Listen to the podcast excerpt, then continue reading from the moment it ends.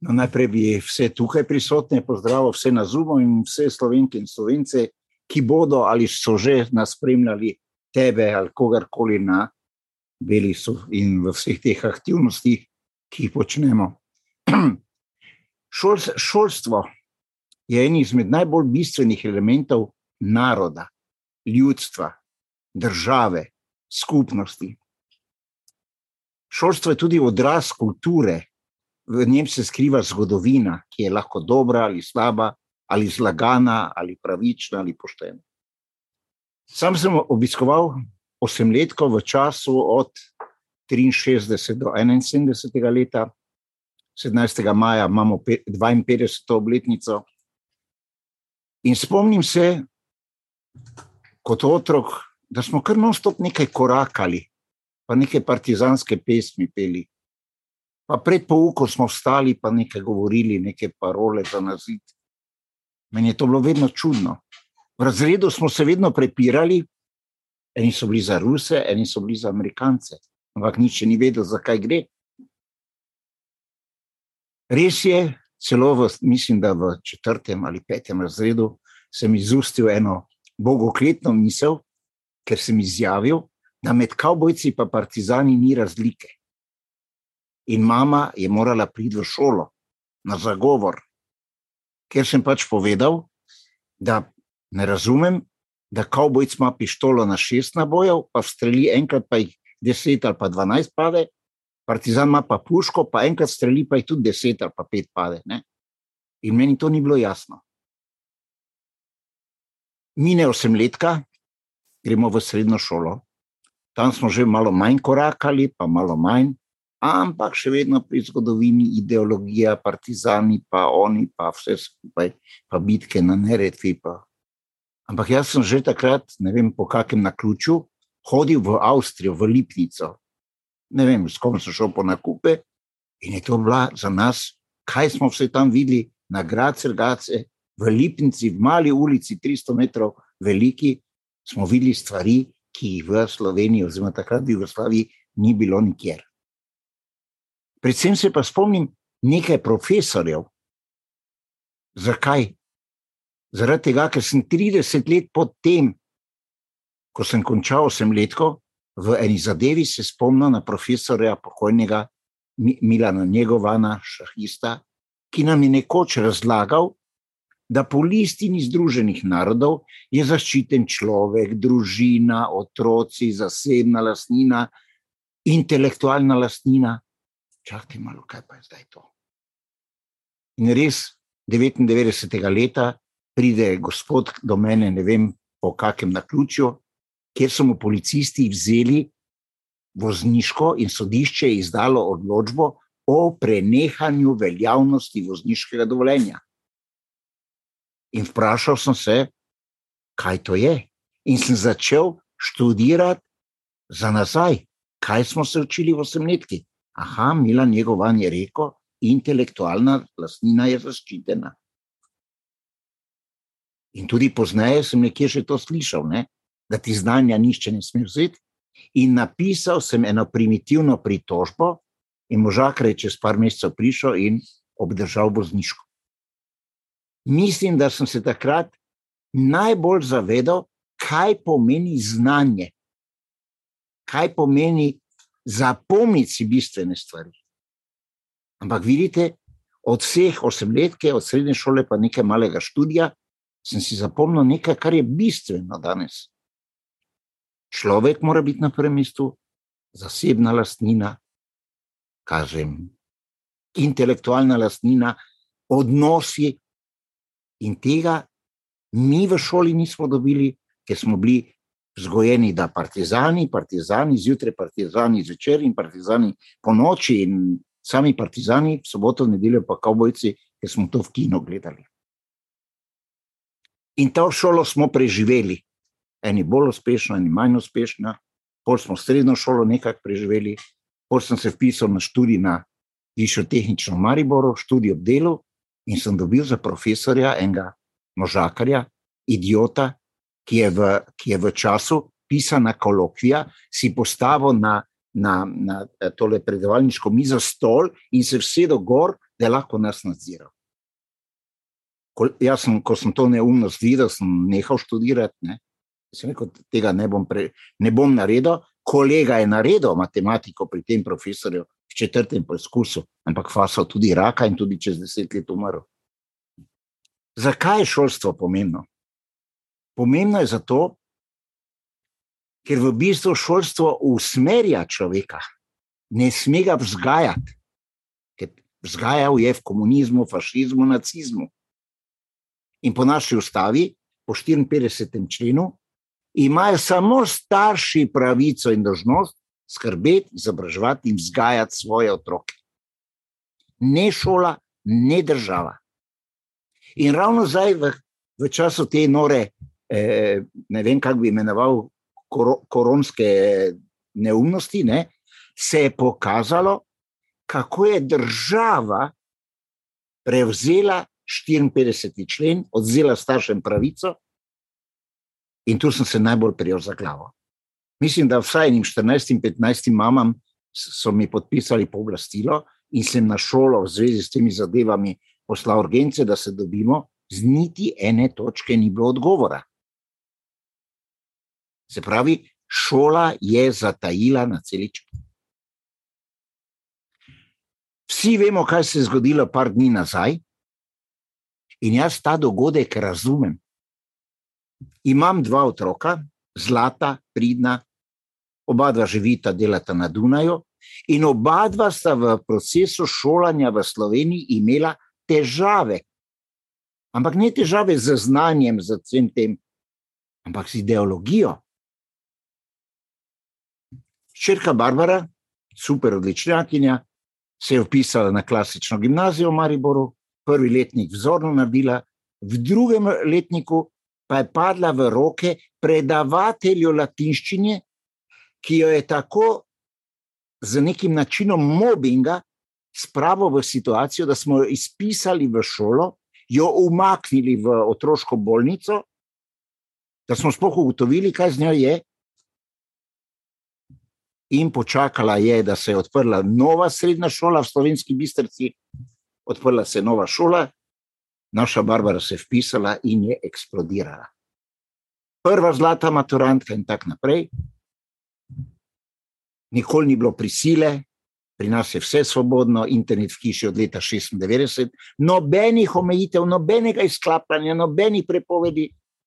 In ko je 12. doštudirala, univerzitetni diplomirani ekonomist, je rekla: Ata, jaz vem, da si ti nekaj na meni študiral. Pa mi povej, Rekel, bom ti povedal, jaz sem na tebi študiral en princip, ki pravi, da če je človek svoboden, je ustvarjalen. In mi je še vedno hvaležna. Imam sina, ki je 12 let mlajši, se je vpisal v ekonomsko šolo, v Maribor, računalniški oddelek, in je padel iz nemščine, popravca. Zopet neka profesorica se ga je lotila, in mu je zabila to nemščino v glavo, da, da in je poskušal še enkrat, zopet ni naredil. Rezultat tega je bil, da se je sam vpisal v trgovsko šolo in v tretjem letniku, še dve uri pred konferenco, zaključno, ni vedel, ali bo naredil slovenščino ali ne. Predstavljajte si ta mobbing, strani učiteljev, predavateljev, profesorjev. In kaj sem naredil? Sem rekel, dragi sine, če ti padeš iz slovenščine, bolj bom jaz poskrbel, da ta tvoja profesorica bo ob hiši, ob avtu, ob vse. Ker v razredu imaš ljudi druge nacionalnosti, oni bodo imeli dve, ti, ki si pa avtohtoni slovenec, boš pa padel zadeva je dobila takšen obseg, da on je naredil. To je bilo stresno, jasno, da.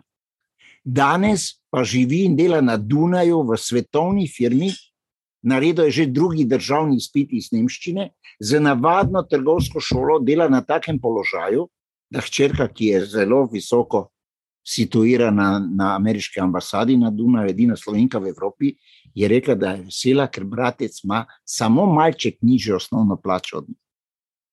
Se pravi, ker je naš sin uporabljal internet že od leta 96, čeprav se 95. rodil, ne, tako je bil, se je toh naučil preko interneta, da lahko danes na svetovnem trgu se prodaja. Ne.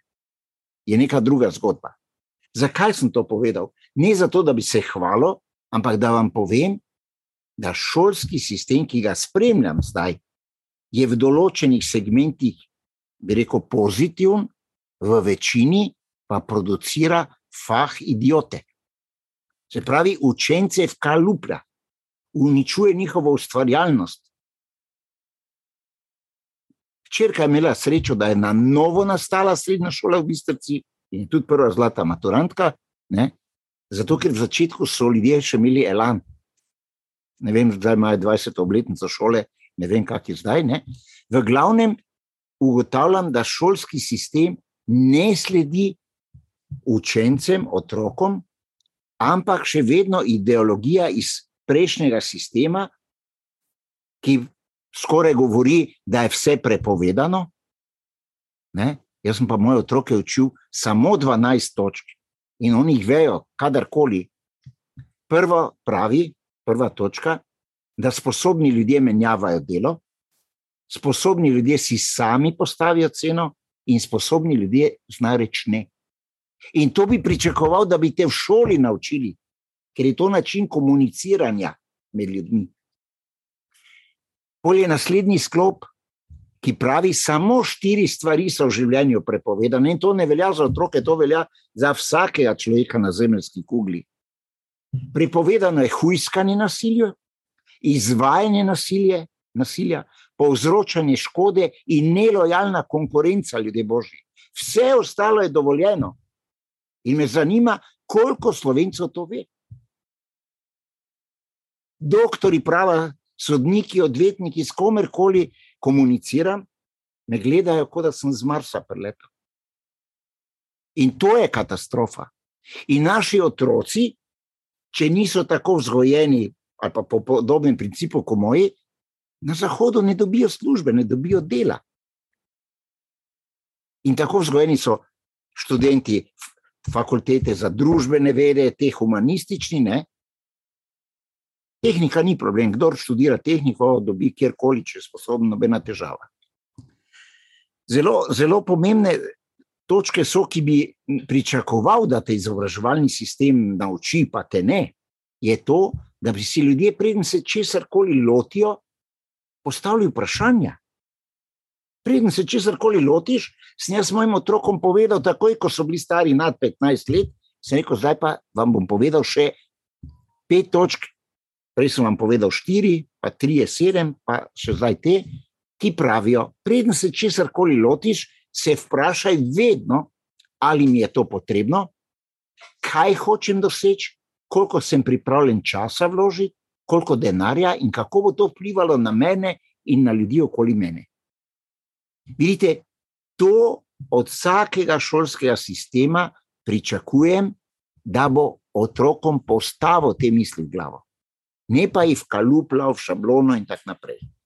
Zato sem pristaš tega, da se šolstvo mora in zdravstvo in še marsikaj deliti v javno in zasebno ne pristajam na to šablono, bomo imeli nekaj tako, imamo mi zdaj, pa ni šiš, pa ni niš, dobimo tri milijarde na kup, pol pa lepo krademo, vsak po svoje. Ne gre. Mora biti javno šolstvo, oboji so enako financirani, enako zdravstvo. Zakaj šolstvo pri nas šepa, oziroma je takšno, kot je? Moram povedati, obstajajo odlični profesori, obstajajo odlični eh, ne, eh, predavatelji, odlični šolniki, ampak so zatrti z šolskimi programi. Jaz sem se z mojimi otroci dosti pogovarjal o teh uporabnih zadevah. Recimo, ljudje končajo devetletko zdaj, in če ga vprašaš, kaj je to priporočilna pošta, pa kaj dela sodišče, pa kaj je upravna enota, pa kaj je občina, boste videli, da je to popolna zmešnjava. Ne? Se pravi, ljudje po devetih letih šolanja pridejo funkcionalno nepismeni ven. Znajo abecedo, znajo poštevanko, da se zaračunajo, da bi pa se znali obnašati, je pa problem. In jaz se spomnim sebe, da sem že v sedmem razredu sam napisal, takrat je mama rekla: napiši prošnjo, Mariborsko livarno za počitniško delo. In sem ga dobo in sem pol naslednje leto tudi napisal. Se pravi, sem se že hitro moral opis, opismeniti, da sem lahko malo na trgu dela delal. Ne? ne da bo mama za meni pisala. Se pravi, šolstvo, takšno kot je zdaj, kot ga jaz poznam, ker spremljam, dejansko ljudem ne, ne daje tisto, kar bi pričakoval, uporabnih znanj. Govorim o, o devetletki, pa še delu uh, srednje šole, drugo je po študiju, kjer se ti izbereš. Težava, težava je v tem, da v bistvu mladina, ko raste, rabi neke informacije, da bo lahko sploh se v svetu ali pa z ljudmi okoli sebe obnašala, in ker teh informacij ne dobi ne od staršev, ne od šole, je pol internet, so pol te zadeve, in rezultati so takšni, kot so zdaj, recimo v Srbiji, se tudi pri nas, vemo za samomore šolarjev. To bo zdaj junija, julija bo, ali pa avgusta, bo ta porast eh, strahovit, in to se vse zakriva. In to je tragedija. Zakaj takšno šolstvo? Jaz se vedno vprašam, zakaj šola ne nauči eh, človeka, da bi nekaj več razumel, kot mu lahko starši dajo. Odgovor je enostaven, preprost. Vedno, vse, kar zdaj bomo stali na nivoju Slovenije, vse, kar se dogaja v Sloveniji, je narejeno samo zato, da ljudje nekaj ne vejo, in če nekaj ne veš, si v strahu, in če si v strahu, se da s tabo manipulirati, da pa vse to rabiš, je pa namerno, zato da se vse zakrije, kar se je po letu 45 dogajalo. In ko jaz ljudem razlagam, da bo treba vrniti gorenje zemljo lastnikom, da bo Mariborsko livarno treba vrniti ono hišo, vse to, ljudje sploh ne vejo, kaj je zasebna lastnina. Pazite, imajo osem let, ko končano, imajo srednjo šolo, pet let študija prava, in na sodišču sodnica reče, da to ne zanima njo, da če je nekdo lastnik, nekdo je pa v njegovi lastnini, je on posestnik in je on več vreden kot lastnik. To je zadeva, ki sem jo držal pred dvema mesecoma. Se pravi, naučili so sodnico, pravnico, ker je sistem tako postavljen, da če si lastnik, si nič vreden, ker je nekdo noter, po letu 45 in on ima to v posesti, in zdaj ga ti dobi ven, če ga lahko. Ne?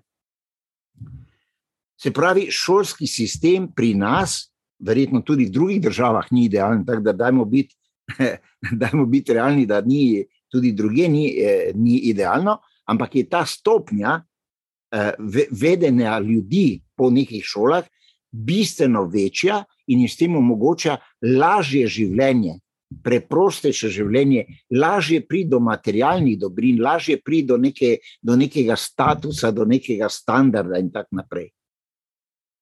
In zdaj vam bom pred koncem povedal še en slikovit primer. Hčerka in mož, Mariborčan, sta lani kupila v petem becirku na Dunaju stanovanje, 93 kvadratov za 430 tisoč evrov. In ko so to kolegi izvedli, ker sta povedala, ko sta se vselila, kaj so si rekli? Je za ta denar bi pa dobil štiri hiše v Sloveniji. Ne? Je pa kdo rabi, normalen človek rabi štiri hiše. Poglejte, šolani ljudje za ta denar bi dobil štiri hiše, pa to je idiotizem prve vrste. In tako slovenci razmišljamo, ker smo produkt šolskega sistema, ki ti ni dovolil razmišljati svojo glavo. Preden zaključim, moram povedati, da sem tudi sam ščerko pa moža presenetil, ker sem jim čestital in sem rekel, da sem vesel, da sta kupila na Dunaju. Je pa, a, zakaj sta vesel? Zdaj bom povedal samo eno misel. Avstrija je neutralna država. Imeti nepremičnino na Dunaju je tisočkrat bolj varno kot v Sloveniji, v Bosni, v Srbiji ali kjerkoli, ker je tam svetinja. In vidite, jaz, poljanec Ludvik, sem dal skozi osemletko v komunizmu, srednjo šolo v komunizmu, študiral v komunizmu in potem leta 1989 imel toliko znanja, da sem pustil službo, dobro plačano elektroprojektanta, ki sem rekel, ne grem se več delati norca iz sebe, pa iz drugih. Hvala.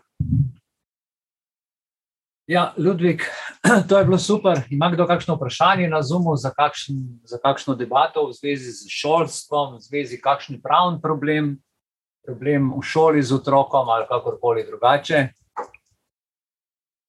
Naj vključim mikrofon, naj pove, naj vpraša. Imamo Ludvika tukaj.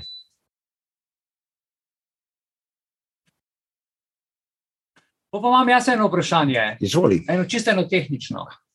Zakaj ima šofer, ki se uči voziti, in uh, je z njim uh, noter ta inštruktor, zunaj avtomobila, zeleno tablico, na kateri piše L. Kaj ta tablica pomeni in kaj pomeni L? E, moram priznati, da se nisem spuščal v to, nisem se spuščal, ker se mi zdi neumnost. Zvedel sem, da v Ameriki, ko si star 15 let, se prijaviš tam, da boš delal izpit, se vsedeš v avto, opraviš božnjo in če ocenijo, da si varen, si ga naredil. Nobenih procedur, ampak ti tudi povejo, od tistega momenta, ko dobiš driver license, si tudi odgovoren za vse, kar se dogaja okoli tebe. Ne? In ta, vidite, tudi Nemci imajo podoben princip, tam delaš avtošolo, ampak ker smo ravno pri tej avtošolah, težava v Sloveniji je v tem, Ne, to je posledica tega, ker pri nas, eh, eh, v bistvu, v teh državah zunaj, si kaznovan šele, ko se nekaj zgodi, ampak so strahovite odgovornosti, materialne, kazenske. Če nekomu nogo odrežejo, to milijon pa pol za celo življenje, tako je odškodnina, pa plačuj. Vidite, pri nas pa se to zgodi, oni mu nogo odrežejo, ta ima dobre odvetnike in oni ostane brez vsega kaznovan, dobi Jurija evro za to, ker je prehitro vozil. In dokler ne bomo imeli principa odgovornosti, ne samo v prometu, tudi učitelj, ki, ki nekomu uh, ga vrže zaradi nemščine, vse ostale ocene ima pa solidne, pomeni, da ta učitelj tega otroka ne razume, tega študenta ne razume. Se ne moremo vsi, do, vsi dobro znati nemško, pa angliško, pa ne vem kaj, lahko pa smo dobri pri ne vem čem. Ne? Tako da tu je težava cel, celega sistema pri nas je vse, ker se ne upošteva ena misel, ki pravi, demokracija je takrat, ko vsakdo odgovarja za denar in pravice ali obrat. To je bistvo življenja. In tega pri nas ni, še vedno govorimo o kolektivni odgovornosti. Ne? Zdaj, če, če eh, recimo, ko spremljate zdaj, eh, ta, te dogodke v Beogradu, ko je ta pobil osem ljudi, ne? eni govorijo o kolektivni odgovornosti ni kolektivne odgovornosti, ker se ve, da oče ni smel imeti doma orožja, konec gotovo. Ni več diskusije. In to je tako. In eh, te, te principi pri nas, veste, 300 eh, tisoč izbrisanih voznikov od 1. maja 98. Vsak tretji voznik v Sloveniji je ostal brez vozniške, čeprav ni nobenih, 99,9% ni nobenih dokazov, da je karkoli storil, ampak je bil tako drastično kaznovan, ker bi morda pa se lahko kaj zgodilo. V pravu pa tega principa ni. In vsi doktori prava z dr. Cerarjem, ki je najbolj odgovorna oseba za to, neumnost, ker je bil od 2002 do 2012 predsednik sodnega sveta, in v tem času je Slovenija izgubila največ sod na Evropskem sodišču. In vidite, profesor dr. Miro Cerar, pa še nekaj takih tičkov, nam krojijo življenje v Sloveniji, ne? pa zdaj imamo tega ptiča, doktorja ptiča. In, in to je cela štala. Ne, ne vidim enega v nobeni vladi po 1.1.92, nisem videl enega človeka, ki bi mi vlagal eh, zaupanje ali kot oseba po obnašanju, po znanju, po ne vem čem. Vsi so neki eh, doktori Ljubljanske pravne fakultete, Ljubljana je pa za mene mesto za mene, ker eh, jaz vedno napišem, da tu prevladuje eh, nepotizem in incest. To, to je katastrofa te družbe in to odgovorno trdim in se bom skliceval bil je seznam sodnikov, še po primkih, in ste imeli na enem sodišču v, v Ljubljani sedem istih primkov, ne? cela žlahta je tam. Ne? To ni normalno. In, in če greste pogledat šole, boste tudi videli, da, da, da tam cele žlahte vedrijo. Ne, pa, če ne na tej šoli, pa na neki stranski. In zdaj imamo ta, ta splet nekih povezav, in otrok je v tem špilu nepomemben. In bojim se, bojim se, resno se bojim, da se znajo te zadeve tudi v Sloveniji zaostriti, ker to je pa posledica te koronske neumnosti. Tudi. To je za mene bil katalizator, ker otroci so bili dve leti odrezani od drugih, samo socialna mreža, samo te, in tam se je vrtelo marsikaj. In otroci, pa jasno, da poberemo, so pobrali tudi mi, eh, smo takrat v svojih cajtih malikovali neke mariborske junake, ki so bili bolj na negativni strani. Ne? ne, kot pa na pozitivni, ne, ker so bili drugačni. Preden še to odgovorim, moram povedati, da v mojih cajtih, ko sem hodil v osemletko, se spomnim, da smo se pogovarjali v Mariboru o petih barabah, ne, to so bili tako zelo glasni. Ne. Danes pa se lahko pogovarjate o petih poštenih Mariboru. Ojalá.